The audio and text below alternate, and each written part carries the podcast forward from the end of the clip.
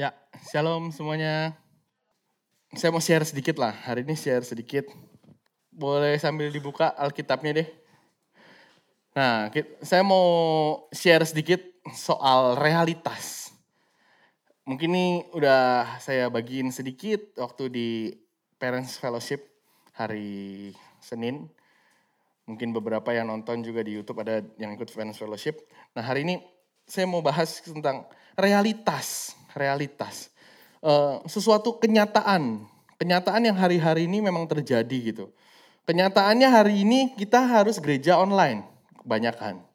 Kenyataannya hari ini semua nggak sebebas dulu, gitu kan? Sekarang kenyataannya hari ini saya harus pakai helm astronot untuk ngomong di depan. Nggak bisa dilepas, ini rasanya kurang nyaman sebenarnya. Cuman ya ini kenyataannya. Kenyataan bahwa hari-hari ini ada yang bikin gak nyaman. Kenyataan bahwa hari-hari ini ada sesuatu yang lagi kita hadapin gitu lah. Kenyataan banyak kenyataan, belum kenyataan lagi di rumah.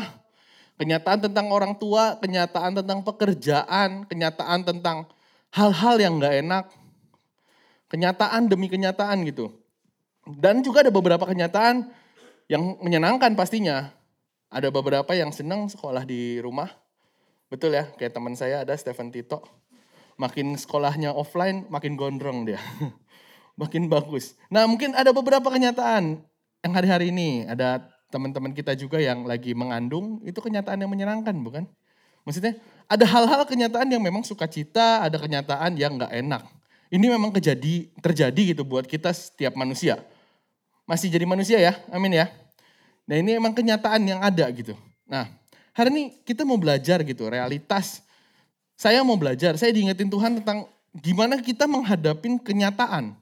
Bukan cara bukan hanya bagaimana kita menghadapi kenyataan, tapi kenyataannya itu ada gimana sih gitu. Maksudnya kenyataan itu harus kita hadapinnya gimana gitu. Nah, kita buka dulu di kisah ras, kisah para rasul 2 ayat 14 sampai 21.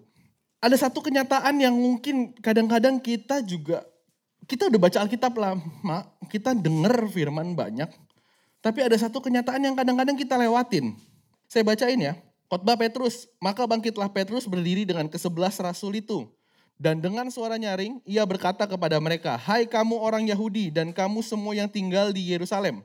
Ketahuilah dan camkanlah perkataanku ini.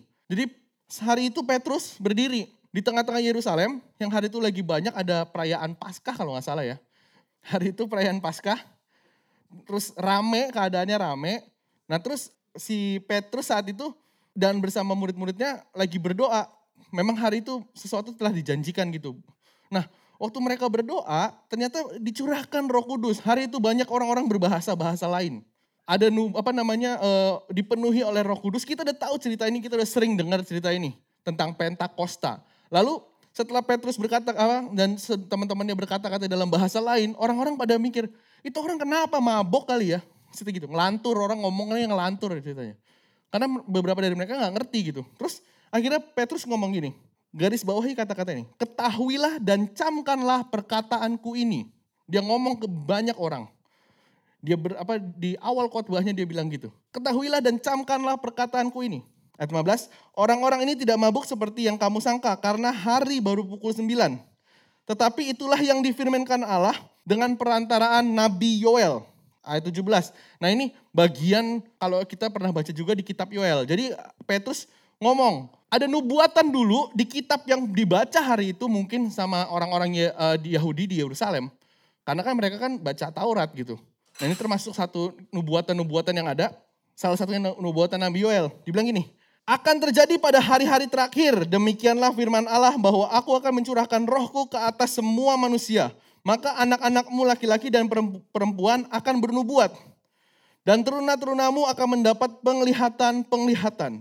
Dan orang-orang tua, orang-orangmu yang tua akan mendapat mimpi.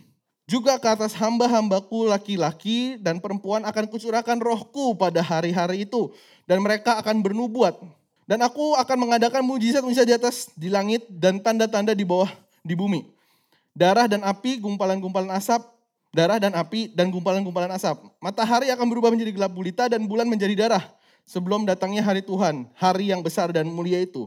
Dan barang siapa yang berseru kepada nama Tuhan akan diselamatkan. Hari itu Paul uh, Petrus lagi ngomong sebuah kitab nubuatan gitu. Bahwa ada nubuatan akan terjadi pada hari-hari terakhir dan itu digenapi saat itu. Saat itu orang berkumpul berdoa dicurahkan Roh Kudus. Jadi dari sesuatu yang dinubuatkan jadi suatu kenyataan. Saya mau bilang gini, kita sebagai orang yang percaya Tuhan, saya nggak bilang orang Kristen aja, tapi bukan hanya orang Kristen, agamanya Kristen, tapi buat seorang yang percaya Tuhan Yesus, bahkan menerima Tuhan. Hari ini kita punya satu kenyataan lain. Bahwa ada firman Tuhan, ada nubuatan, ada janji-janji Tuhan yang akan menjadi kenyataan. Nah ini realitas gitu. Nah itu hari itu Petrus ngasih tahu, ini loh kejadian. Makanya dia bilang, camkanlah dan perhatikan ya kalau salah. Ketahuilah dan camkanlah perkataanku ini. Kalau camkan itu apa ya? Kayak suruh, kayak tegas gitu ngomongnya ya. Camkan ya, maksudnya apa sih kayak dengerin deh, gini deh, ini bakal kejadian loh. Ini ini begini nih maksudnya dengan yakin lah dia ngasih tahu. Dia memberitahu dengan suatu keyakinan gitu. Makanya Petrus bilang camkan. Jadi hari ini kita mau, saya diingetin gitu pas lagi saya diingetin hal ini, saya diingetin gini, hari-hari ini Jangan lupain satu kenyataan yang ada dalam Tuhan gitu. Nah kita diingetin, bahkan buat diri kita hari ini bilang, ketahuilah diriku dan camkan. Ada firman-firman Tuhan yang akan jadi kejadian. Yang akan jadi satu realitas. Tadi saya udah saya buka gini, realitasnya yang kita lihat hari-hari ini ya ada yang menyenangkan, ada yang menyedihkan, ada yang mendukakan. Banyak kan juga hari-hari ini apalagi yang kita udah tahu pandemi ini menggoncangkan banyak hal gitu. Menggoncangkan banyak hal yang kita udah ketahuin jadinya banyak yang apa namanya gak enak gitu rasanya gak enak kenyataan jadi kurang enak gitu banyak uh, ada beberapa hal yang mungkin udah direncanakan jadi mundur ada beberapa hal yang direncanakan jadi nggak jadi pokoknya pandemi kemarin juga Tuhan ingetin gitu bahwa banyak hal gitu yang digoncangkan tapi saya ingetin gini di tengah pandemi itu bahkan Tuhan masih berbicara bahkan buat kita di shoot fellowship Amin ya. Apalagi buat teman-teman yang komitmen yang kenal hari ini, maksudnya yang, yang ber, berada di kapal ini. Buat teman-teman di UM yang ada gitu. Kita kita masih punya satu kenyataan yang Tuhan pernah, yang Tuhan terus janjikan. Amin ya. Masih percaya nggak sama apa yang Tuhan janjiin? Itu harus diingat. Dan bahkan saya diingetin gini, sebelum saya menghadapi kenyataan yang di luar sana, saya harus terima dulu kenyataan yang Tuhan kasih. Kalau enggak saya nggak kuat untuk ngadepin nggak enaknya dunia ini, nggak enaknya tekanan, goncangan ini. Itu seenggaknya yang saya hadapin gitu loh. Nanti kita akan belajar lebih jauh deh. Kisah 2 14 sampai 21. Jadi kita paham dulu ya. Dan ini juga terjadi gitu. Oke. Tadi saya udah kasih ya, ketahuilah dan camkanlah perkataanku ini. Terus ada kata satu lagi yang saya mau garis bawahi bilang ini. Akan terjadi pada hari-hari terakhir. Jadi nubuatan itu berbicara akan satu masa. Di Yoel, di Yoel berkata tentang satu masa akan terjadi pada hari-hari terakhir. Nah, si Petrus saat itu juga pas lagi nyebut akan terjadi pada hari-hari terakhir dan itu dimulai hari itu gitu, hari-hari itu. Paham ya sampai sini ya? Dan sampai hari ini. Jadi hari ini kita belajar gitu, akan terjadi pada hari-hari terakhir. Kita lagi mau apa namanya terima apa yang mau Tuhan katakan. Apa sih yang akan terjadi pada hari-hari terakhir? Ini realitas yang Alkitab bicarakan akan terjadi pada hari-hari terakhir. Lagi sekali lagi boleh? Kita tahu firman Tuhan bicara, kita nggak akan buka semua, tapi teman-teman di sini udah pada tahu lah kira-kira. Bahkan saudara-saudara yang nggak tahu boleh baca di apa namanya Alkitabnya, saya udah mention ayatnya. Bahwa akan ada hari-hari sulit. Alkitab berkata bahwa terjadi di hari-hari terakhir itu akan terjadi hari-hari sulit, hari-hari sukar, hari-hari penderitaan, di 2 Timotius dibilang akan hari-hari terakhir itu akan menjadi sukar. Terus Tuhan Yesus waktu dibilang kap, e, ditanya di Matius 24 ditanya sama murid-muridnya kapan kalau engkau datang? Katanya waktu Tuhan datang akan terjadi ini itu ini itu. Awal mula penderitaan itu baru awal mula penderitaan. Katanya perang kelaparan gempa bumi akan terjadi. Jadi kita gambarin gitu. Alkitab berbicara bahwa akan terjadi hari-hari sulit memang. Akan terjadi hari-hari sulit seperti hari-hari ini mungkin. Beberapa yang mungkin kita ngadepin goncangan sulit ya akan terjadi hari-hari sulit hari-hari yang sukar di mana manusia makin jahat kasih semakin dingin itu akan terjadi dan Alkitab sudah menyatakannya Dan saya percaya waktu Alkitab menyatakannya, ada nabi-nabinya berkata-kata, ada hamba-hamba Tuhan yang berkata di Alkitab, itu kejadian juga hari ini. Bahkan di tengah-tengah kita hari ini, bahkan di tahun kemarin 2020 dimulainya. Iya kan ya? 2020 itu banyak deh yang tergoncang jadinya gitu. Tapi sebenarnya apa yang akan terjadi juga di hari-hari terakhir? Ada satu sisi lagi, ternyata ada ada hari-hari pemulihan, pemulihan bangsa-bangsa makan katanya. Ada hari pencurahan roh kudus dan kuasa seperti yang kita tadi baca di kisah Rasul 2. Pemulihan bangsa-bangsa itu kalau salah di Yesaya, Yesaya 2 ayat 1 sampai 3. Dibilang bangsa-bangsa akan berduyun-duyun ke rumah Tuhan. Paham nggak sampai sini? Bahwa kenyataannya itu nanti akan dikasih tahu nih, akan terjadi. Seperti Nabi, Nabi Yoel saat itu bilang, akan terjadi pada hari-hari terakhir. Nah Petrus saat itu bilang, ini nih, ini yang kejadian yang dinubuatin itu loh. Gitu. Nah, akan terjadi juga hari-hari ini. Memang ada akan hari-hari yang sulit, tapi jangan lupa akan terjadi juga hari-hari pemulihan. Hari-hari yang dimenangkan oleh Tuhan. Hari-hari pencurahan roh kudus dan kuasa itu juga kejadian. Jadi hari-hari ini coba saya belajar gitu. Pas lagi saya ini, saya, kok terjadi hari terakhir itu bukan Alkitab nggak konsekuen. Tapi memang ada masanya nanti. Di masa ini, di hari-hari terakhir, kalau di perjanjian baru, kalau di tafsirannya dibilang perjanjian baru itu hari-hari terakhir itu adalah dimulai dari pencurahan Roh Kudus saat itu sampai Tuhan datang dua kalinya. Itu namanya hari-hari terakhir. Nah, jadi masanya itu emang panjang, tapi masanya sudah ditentukan gitu. Hari ini bahkan. Hari ini yang udah lagi dibicarain sama orang-orang gitu. Sama Alkitab dibicarain tentang hari ini sampai ke depannya. Ini secara umumnya dulu ya, bahwa nanti kita akan dihadapin gitu. Jadi tenang, kalau yang ngerasa sulit, ngerasa digoncangkan, ngerasa sukar, tapi ingat ada juga hari-hari pemulihannya. Jadi emang nantilah harus dihadapin gitu. Hari-hari sulit versus hari-hari pemulihan gitu. Kita nanti akan dihadapkan akan kedua hal itu. Jadi bersiap ya buat saudara-saudara. Percaya nggak percaya udah kejadian kok. Bahkan sudah terjadi gitu. Percaya nggak percaya terserah. Mau percaya Alkitab atau tidak terserah. Tapi udah kejadian. Nah untung udah kejadian, apa yang harus kita lakuin sebenarnya? Ini yang Tuhan udah lagi ngomongin gitu. Mari kita coba lihat hari-hari ini akan jadi kenyataan, suatu yang akan jadi kenyataan. Lalu saya dikasih, nggak dikasih lihat sih, dikasih ngerti gitu, satu pengertian. Kan semua terjadi goncangan demi goncangan. Mari kita buka dulu deh ayatnya Ibrani 12. Ibrani 12 ayatnya ke 27. Di situ bilang, Ungkapan satu kali lagi menunjuk kepada perubahan pada apa yang dapat digoncangkan. Karena ia dijadikan supaya tinggal tetap ting, supaya tinggal tetap apa yang tidak tergoncangkan. Ayat dari dua, ayat 26-nya. Waktu itu suaranya menggoncangkan bumi. Jadi udah pernah terjadi hari itu. Ini waktu ada di Alkitab juga di zaman perjanjian lamanya. Dibilang satu kali lagi, eh, Waktu itu suaranya menggoncangkan bumi, tetapi sekarang ia memberikan janji. Satu kali lagi aku akan menggoncangkan bukan hanya bumi saja, melainkan langit juga. Ungkapan satu kali lagi menunjuk kepada perubahan pada apa yang dapat digoncangkan.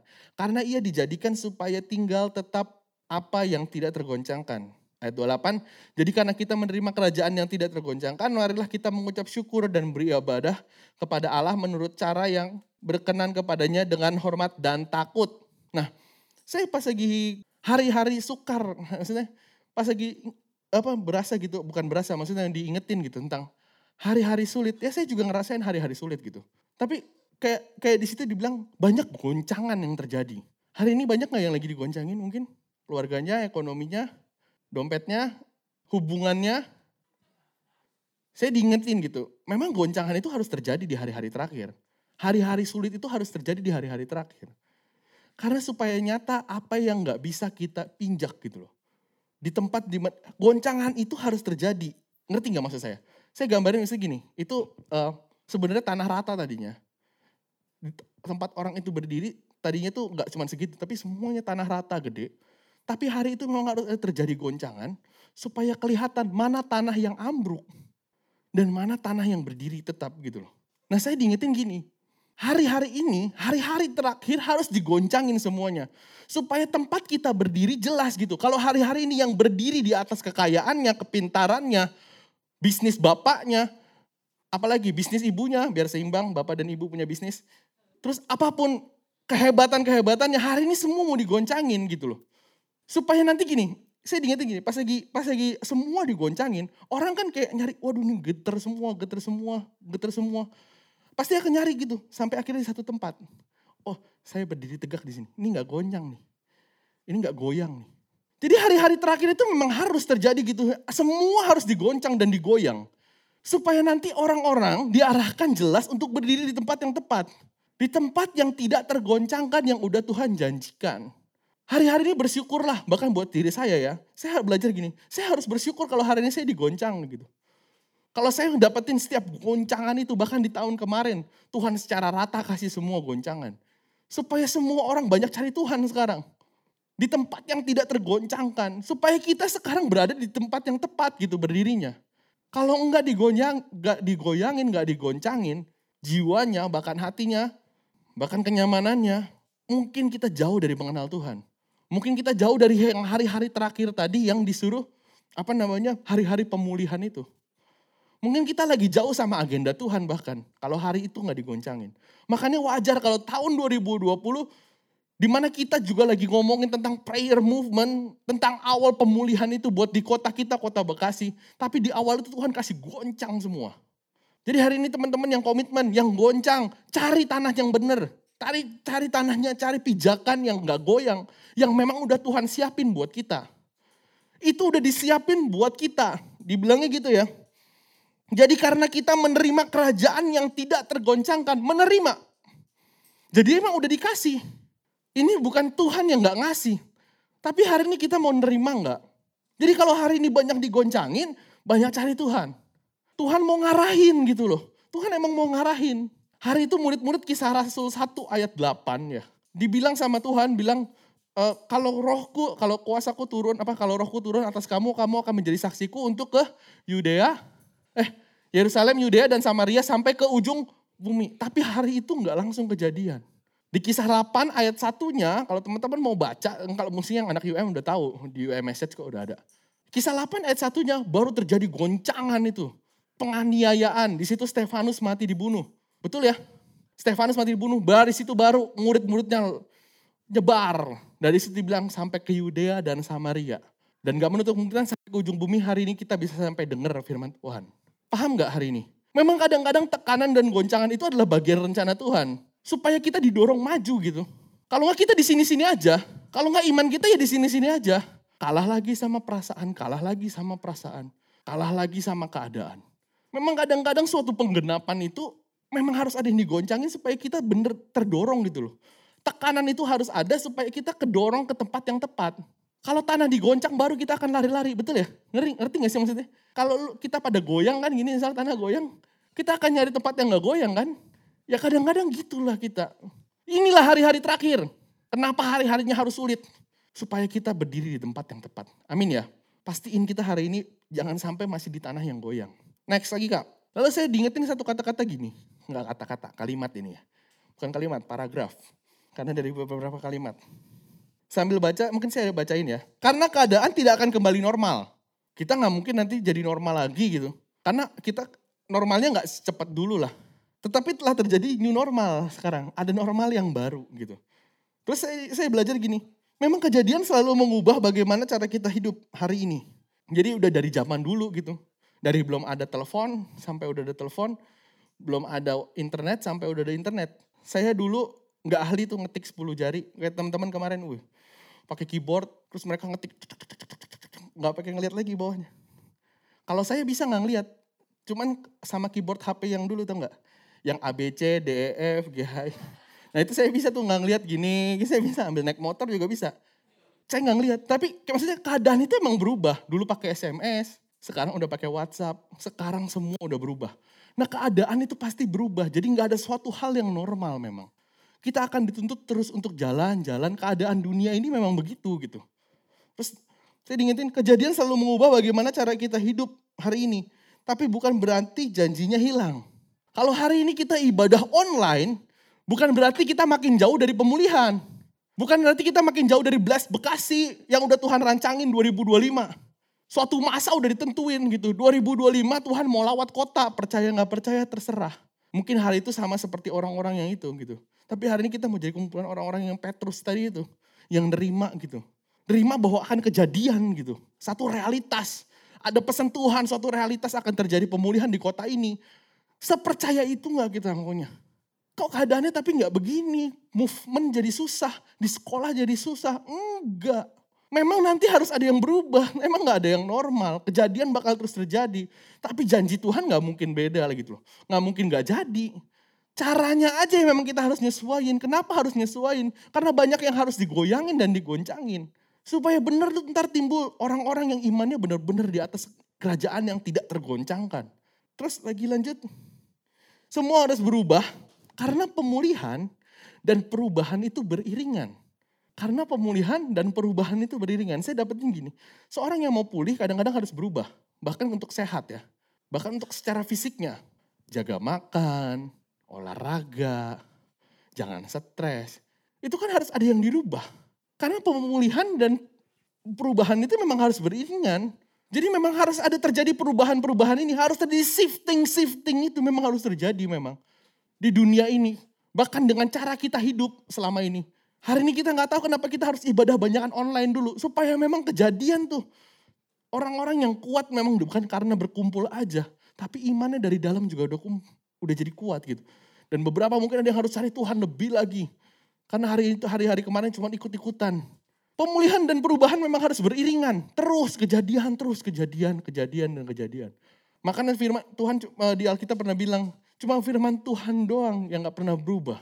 Nah dari situ yang kita mau belajar gitu. Tuhan menyatakan bahwa semua bisa diubah dalam sekejap, dalam waktunya, bahkan soal pemulihan. Kalau kemarin kita lihat tahun 2020 dengan cepat semuanya rontok, Mestinya kita juga bisa belajar percaya bahwa 2025 tiba-tiba semuanya berubah pulih. Loh, Tuhan kok yang punya. Kita nggak pernah nyangka kan?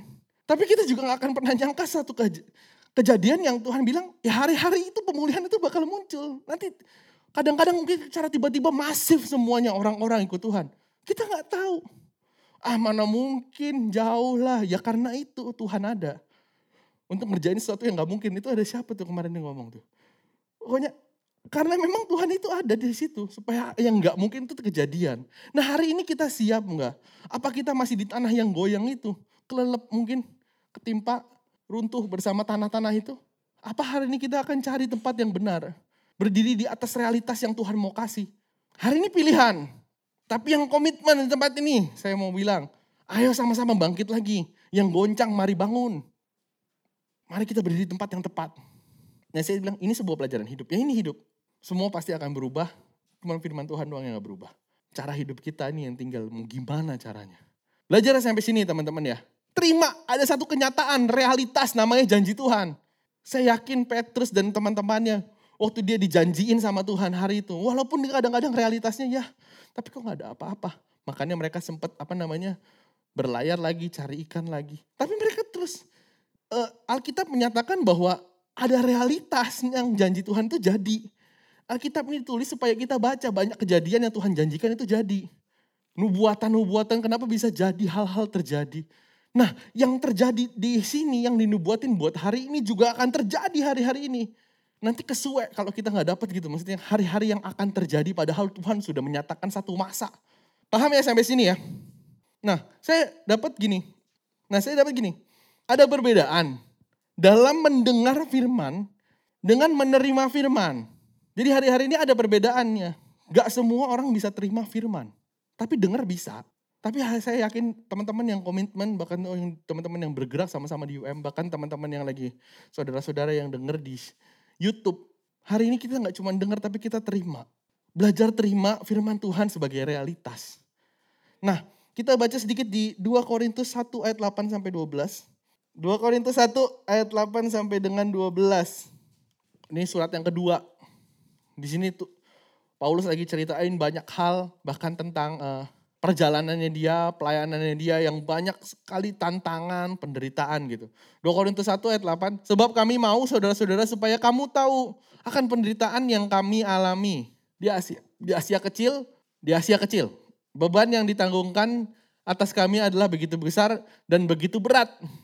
Sehingga kami telah putus asa juga akan hidup kami. Paulus dan kawan-kawan juga pernah ngalamin gitu begitu berat. Dan dia jelas gitu, saya nggak bandingin sih beratnya hidup Paulus sama beratnya hidup kita. Kalau dibandingin ya emang jauh lah ya. nggak seimbang gitu loh. Satu on sama satu ton mungkin. Kita cuma satu on, Paulus satu ton. Ya cuman kemampuannya Paulus dan kawan-kawannya itu segitu gitu. Tapi bukan bandingin beratnya, cuman bandingin apa yang memang kita mampu untuk uh, pikul gitu. Ya mungkin hari-hari kita juga ngalamin gitu yang begitu berat. Lanjut lagi ayat nextnya. Bahkan kami merasa seolah-olah kami telah dijatuhi hukuman mati. Kalau bahasa Inggrisnya bilang gini, in the fact, faktanya bahkan. Faktanya, faktanya Paulus, eh siapa namanya, Paulus dan teman-teman bilang gini, faktanya kami tuh udah hampir mati gitu. Gue tuh udah pengen mati bilang gitu. Itu udah faktanya, kenyataannya, realitasnya. Paulus dan kawan-kawannya juga dinyatain ke satu realitas ya bahwa mereka sampai menuju sampai yang namanya kematian itu. Hampir mati. Kalau teman-teman nonton yang punya Netflix, Paul the Apostle, itu keren juga sih. Maksudnya itu kita ngelihat gimana cara, eh, apa sih yang namanya waktu dia ngomong mati adalah sebuah keuntungan, hidup adalah bagi Kristus. Itu dibaca gampang, ini ternyata sulit gitu pas lagi nonton. Wah ini keras juga nih. Nah itu gitu loh, maksudnya segitu. Tapi hal itu terjadi supaya kami jangan menaruh kepercayaan pada diri kami sendiri, tetapi hanya kepada Allah yang membangkitkan orang-orang mati. Nah, di sini bilang, but this made us to stop trusting in ourselves and start trusting God. Jadi, emang kadang-kadang tekanan itu ada, goncangan itu ada, supaya kita berhenti percaya sama diri sendiri. Dan kita belajar untuk percaya sama Tuhan. Untuk mulai percaya sama Tuhan. Terima kasih sama goncangan hari-hari ini. Terima kasih sama tekanan. Terima kasih tekanan.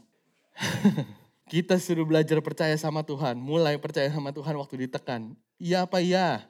Kalau enggak, lupa. Berterima kasihlah sama goncangan. Hari ini kita belajar mengenal Tuhan. Amin ya. Next ya. Dari kematian yang begitu ngeri, ia telah dan akan menyelamatkan kami. Kepadanya kami menaruh pengharapan kami. Bahwa ia akan akan menyelamatkan kami lagi karena kamu juga turut membantu mendoakan kami supaya banyak orang mengucap syukur atas karunia yang kami peroleh. Berkat banyaknya doa mereka untuk kami. Ayat 12, inilah yang kami megahkan yaitu bahwa suara hati kami memberi kesaksian kepada kami bahwa hidup kami di dunia ini khususnya dalam hubungan kami dengan kamu dikuasai oleh ketulusan dan kemurnian dari Allah bukan oleh hikmat duniawi tetapi oleh kekuatan kasih karunia Allah. Lanjut lanjut lagi lanjut lagi suratnya Paulus tapi saya mau berhenti di situ dulu. Di tengah-tengah yang perjalanan pelayanan Paulus, Paulus lagi ceritain gitu. Tapi di tengah-tengah tekanan itu waktu dia melay buat melayani jemaat yang di Korintus, si Paulus itu enggak apa namanya? Dia bilang, "Untungnya saya itu kalau bahasa Inggrisnya bilang gini, di guide apa sih di guide? Dibimbing oleh kebaikan Tuhan, bukan oleh hikmat dunia."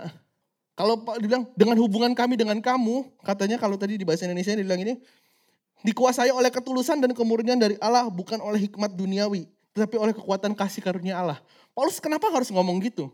Saya belajar gini, ya hari-hari itu di tengah tekanan dan goncangan, kalau dia pakai hikmat dunia, gak bakal maju gitu loh. Mendingan berhenti aja, capek, mau mati rasanya.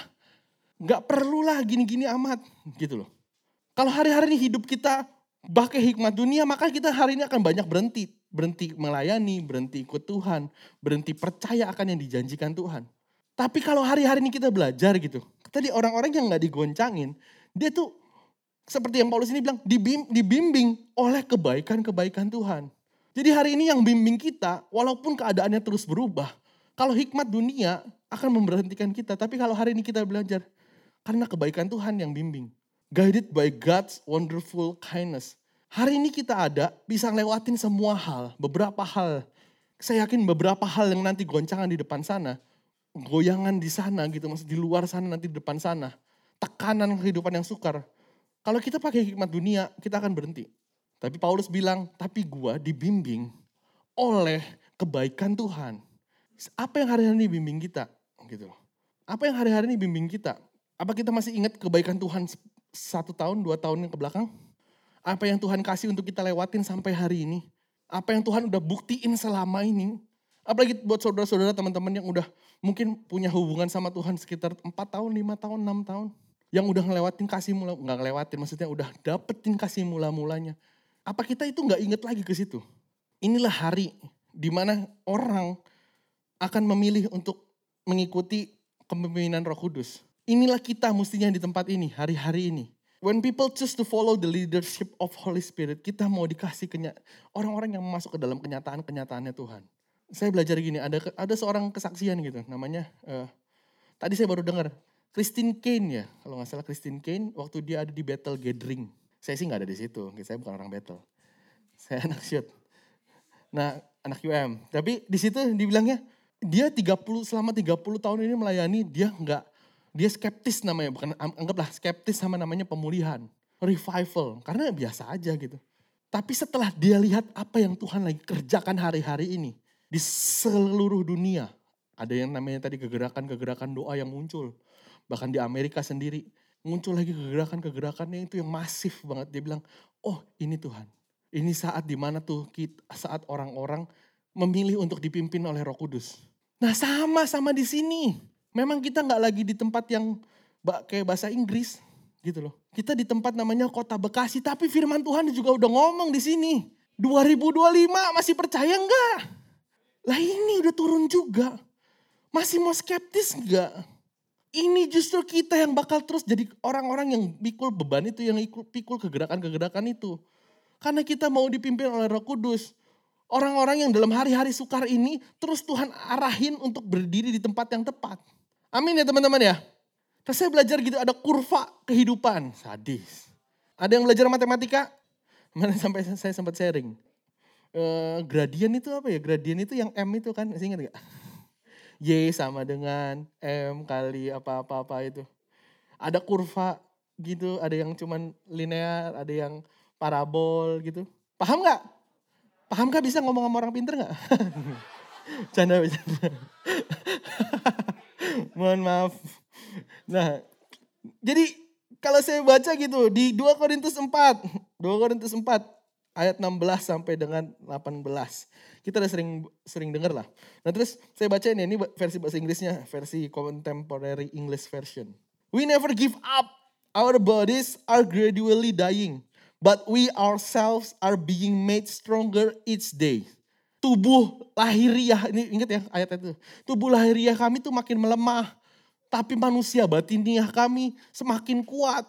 Ini yang Tuhan bilang, eh, yang waktu itu Paulus bilang di 2 Korintus.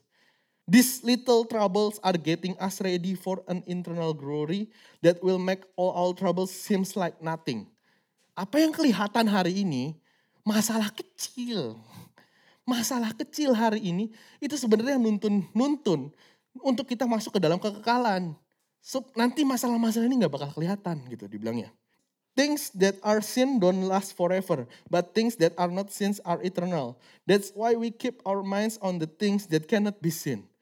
Gimana yang kelihatan kayak nggak ada duit, itu kan kelihatan kan? Orang-orang nggak ada duit juga kelihatan kan? Kalau datang mau minjem, itu juga kelihatan.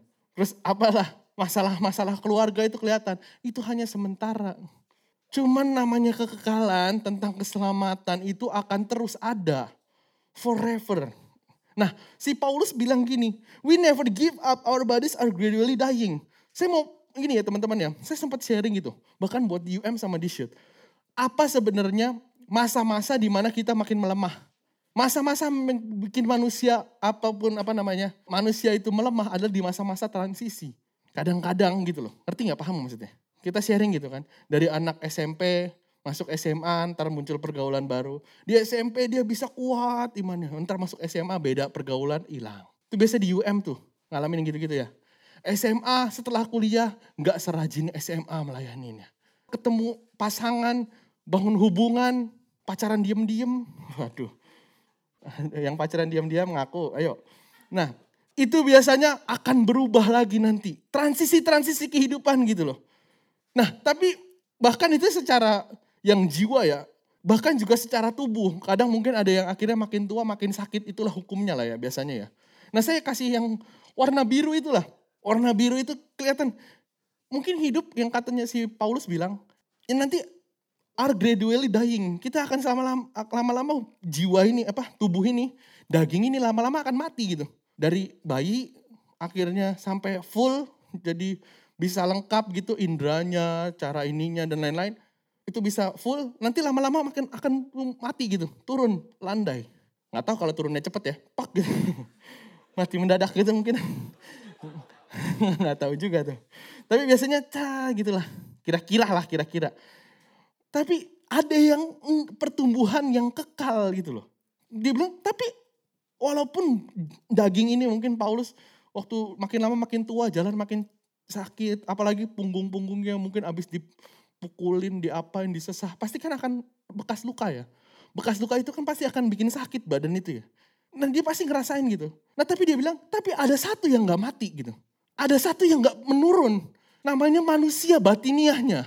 Bahwa dia yakin dalam dirinya, dalam imannya ada yang makin bertumbuh. Dan ini yang nanti kita bakal apa namanya alamin gitu hari-hari ini. Mari fokus sama bertumbuh yang itu gitu. Fokus sama pertumbuhan kita tentang manusia batiniah kita gitu.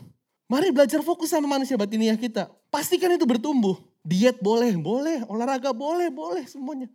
Tapi tubuh akan mati. Kalau yang makannya sembarangan emang matinya cepet sih. Cuman pasti akan mati.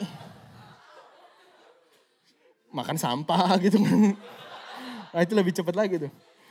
Nah tapi namanya tubuh, apa namanya manusia batiniah itu ada pertumbuhan yang kekal. Pertumbuhan yang kekal itu enggak, kita mari fokus gitu loh. Paham ya sampai sini teman-teman ya? Next dulu kak. Nah waktu kita fokus transisi kehidupan ini yang gak bakal ngelemahin. Teman-teman nanti yang bakal masuk apa namanya masuk ke dalam masuk ke dalam transisi-transisi kehidupan. Misalnya sebentar lagi teman kita, saudara kita Bapak Marcel dan Ibu Veve akan jadi ibu dan bapak. Gimana transisi itu nanti buat menguatkan. Mungkin teman-teman di sini nanti ada yang akan kuliah, mungkin ada yang nanti akan apa namanya uh, kerja. Mari transisi-transisi itu nggak jadi membuat kita melemah. Karena nggak ada hukumnya katanya gitu. Orang makin tua berhenti melayani itu nggak ada. Tubuh boleh makin sakit tapi hatinya nggak. Nah gitu loh maksudnya. Maksud saya, jadi nggak ada nanti nanti makin kita sini makin sok dewasa gitu. Ah oh, enggak lah itu mah bagiannya Janes gitu. Yang ngobrol-ngobrol, enggak. Bagian yang ntar yang ini, ini, ini gantian lah. Enggak. Nanti kenapa, memang itu harus ada namanya delegasi gitu. Delegasi itu harus ada apa namanya diturunin, diturunin. Harus ada delegasi gitu teman-teman di UM ya udah dua kali delegasi, tiga kali malah. Dari zamannya Kadilan ke zamannya kayak gue sama teman-temannya elders. Lalu turun lagi ke masanya Aswin John itu. Lalu turun lagi ke masa ada teman-teman lagi yang dibentuk jadi delegasi lagi yang baru. Itu memang harus diturunin. Tapi bukan artinya kita yang misalnya kayak mungkin gue ataupun Kadilan. Bukan yang gak involve. Tapi ntar dikembangin lagi. Memang dikembangin gitu. Makin tua, karena pertumbuhan rohaninya makin gede gitu. Akan dikembangin ke satu hal yang lebih luas. Makanya kita hari ini bisa melihat ada namanya kota Bekasi yang mau dimenangin. Dulu mungkin kita cuma lihat sekolah, sekolah, sekolah, sekolah. Betul ya? Walaupun teman-teman mungkin yang kayak kita di Galatia lah, di mana, di mana. Kita ngelihat yang sekolah-sekolah doang gitu. Lama-lama harapan indah. Hari itu kita, hari ini kita belajar ada Mampang Bekasi di situ. Gak menutup kemungkinan kita mulai lihat ntar Indonesia, bahkan bangsa-bangsa. Itu diperluas gitu makin tua diperluas bukan makin undur diri. Paham ya sampai sini ya? Buat teman-teman yang masih muda. Makin tua jangan makin undur diri ya dalam melayani amin? Oh iya musia makin diperluas dong. Amin ya? Ya ini Paulus mengajarin begitu. Next kak. Nah ini tinggal saya sharing dikit-dikit nih. Nah kita udah lihat kota Bekasi next lagi terus saya kemarin nyari-nyari kapan sih kok kita sekarang ngomongin tentang gor nah ini saya mau beritain juga bahkan yang di YouTube. Tahun 2025 Tuhan nyatain masa satu masa sudah ditetapkan. Saya mau dengan yakin ngomong gitulah. Belajar yakin sama apa yang Tuhan janjikan. Sebagai kenyataan gitu. Akan kita doa di namanya Stadion Bekasi. Nah saya nyari-nyari, kapan sih sebenarnya dikasih tahunya? Terus akhirnya saya nyari-nyari, nggak ketemu pesan originalnya tuh nggak ketemu tuh. Ada saya kan waktu itu sama teman-teman yang itu rapiin pesan doa, udah dirangkum-rangkum tuh ini kok nggak ada pesan originalnya ya? Mana ya? Akhirnya saya nyari sama yang emang diingetin gitu ada satu nabinya di sini. Itu ternyata tanggal 17 Januari 2019 dibilangnya gini Salam BTW enggak, enggak gitu. Sebenarnya Tuhan udah beberapa minggu yang lalu Tuhan kasih tahu untuk prayer movement 2020 bener kan di awal 2020 Terus tempatnya kayak Tuhan kasih tahu, kalau kamu bisa di Gor Bekasi, kamu merebut kota. Tapi saya baca lagi ulang. Kalau kamu bisa, Tuhan bilang kalau kamu bisa. kalau kamu bisa. Ngerti gak maksudnya? Kalau kamu bisa di gor, kamu merebut kota. Hari ini iman kita nyampe nggak di situ? Iman kita mau ditumbuhin nggak nyampe ke situ? Karena Tuhan sih bisa. Kitanya bisa nggak? Kitanya mau belajar nggak digoyangin, nggak mau digoncangin. Kita mau belajar nggak berdiri tadi tempat yang stand firm. 15 tahun hari Selasa ya. Selasa ini kita akan berulang tahun ke yang 15. Betul ya, 16 Maret. Kita akan berulang tahun ke yang 15. Kita udah berdoa sedemikian banyak gitu dinaikin buat kota Bekasi. Sampai Tuhan akhirnya nyatain gitu. Kita belajar lewat apa ituin kecamatan-kecamatan. Bahkan hari ini Tuhan bilang gitu, tahun 2019 kemarin Tuhan bilang, kalau kamu bisa kamu akan merebut kota. Hari ini kita mau nggak disampaikan bawa ke sana gitu. Karena Tuhan akan bawa ke sana. Tapi kita mau terima ini sebagai realitas enggak? Ini kenyataan hidup enggak? Kita mau terima ini sebagai kenyataan hidup apa cuma mau kenyataan yang itu aja? Kenyataan yang enggak enak yang kita selama ini jalanin. Sekali lagi saya mau bilang, tanpa saya melihat kenyataan yang Tuhan kasih lewat janji-janjinya, saya nggak bakal bisa ngelewat janji apa kehidupan saya dengan realitas yang ada. Saya akan kalah di situ kalau saya nggak terima dulu yang realitas apa yang Tuhan janjikan. Itu yang membuat saya maksudnya belajar untuk mau jalan ke situ gitu. Next lagi kak, Tuhan udah kasih tahu gitu. Bahkan perjalanannya buat sampai 2020 sampai 2025. Ini buat kalangan sendiri ya, yang komitmen sama yang UM. Tahu yang UM di begini ya? Yang komitmen lah. Yang UM juga ada gambaran besarnya. Tolong baca dan perhatikan pesan-pesan Tuhan kalau lagi goyang, lagi galau gitu, lagi bingung, lagi pusing, jangan cari yang lain. Jangan cari drama Korea lah. Buka PowerPoint. Dikasih tuh roadmap 2020 sampai 2025, baca tuh. Apa sih sebenarnya Tuhan? Kok gak enak banget nih hidup jalaninnya? Apa sih sebenarnya yang Tuhan mau kasih? Suruh lihat lagi. Di situ yang buat kita kuat. Amin gak teman-teman? Yuk next. Nah ini sedikit saya kesaksian uh, kemarin itu saya lagi hari ini uh, hari-hari ini saya lagi belajar, lagi belajar. Lagi belajar jalan pagi, sadis. Kalau jogging terkecepetan lagi. Buat sehat, saya kan mau diutus diutus ke bangsa-bangsa mesti sehat. Nah terus saya, saya ngerasa gitu waktu lagi jalan gitu kadang ataupun itu kadang-kadang tuh banyak renungan-renungan gitu bukan renungan ya maksudnya pas lagi ngerenungin tuh banyak hal dibukain gitu nah ini nggak tahu nih Tiba-tiba pas lagi saya jalan, udah mau deket rumah nih. Udah siap mau mandi habis itu ke kantor. Terus pas lagi udah jalan gitu, udah jalan. Nah itu tiba-tiba gini, Tuhan kayak kasih pengertian. Ada saat kelihatan, eh bilangnya kelihatan apa gimana, saya kan gak merem waktu jogging. Cuman kayak dikasih bayangan gitu. Ada bumi, ini saya belum share, saya belum ketik lupa. Ada bumi, lalu di situ ada Tuhan.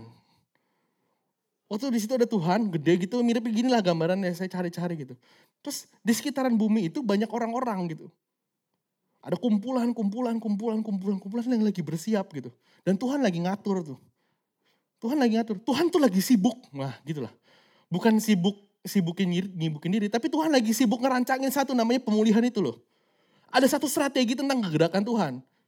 Jadi ntar jangan bingung kalau tiba-tiba kegerakannya masif di seluruhnya gitu. Ngerti gak sampai sini? Pas saya, saya dikasih tahu gitu, maksudnya uh, ada bumi, lalu dikasih lihat kayak Tuhan lagi ngerancangin, Tuhan lagi sibuk lagi ngomong ini, ngomong ke sini, ngomong ke sini, ngomong ke sini. Kayak lagi diaturin, dimanajein semuanya ini harus begini, begini, begini, dan begini. Jesus is setting up a strategy for his movement around the world. Akan nanti kejadian tuh. Udah mulai lagi, udah mulai. Next kak.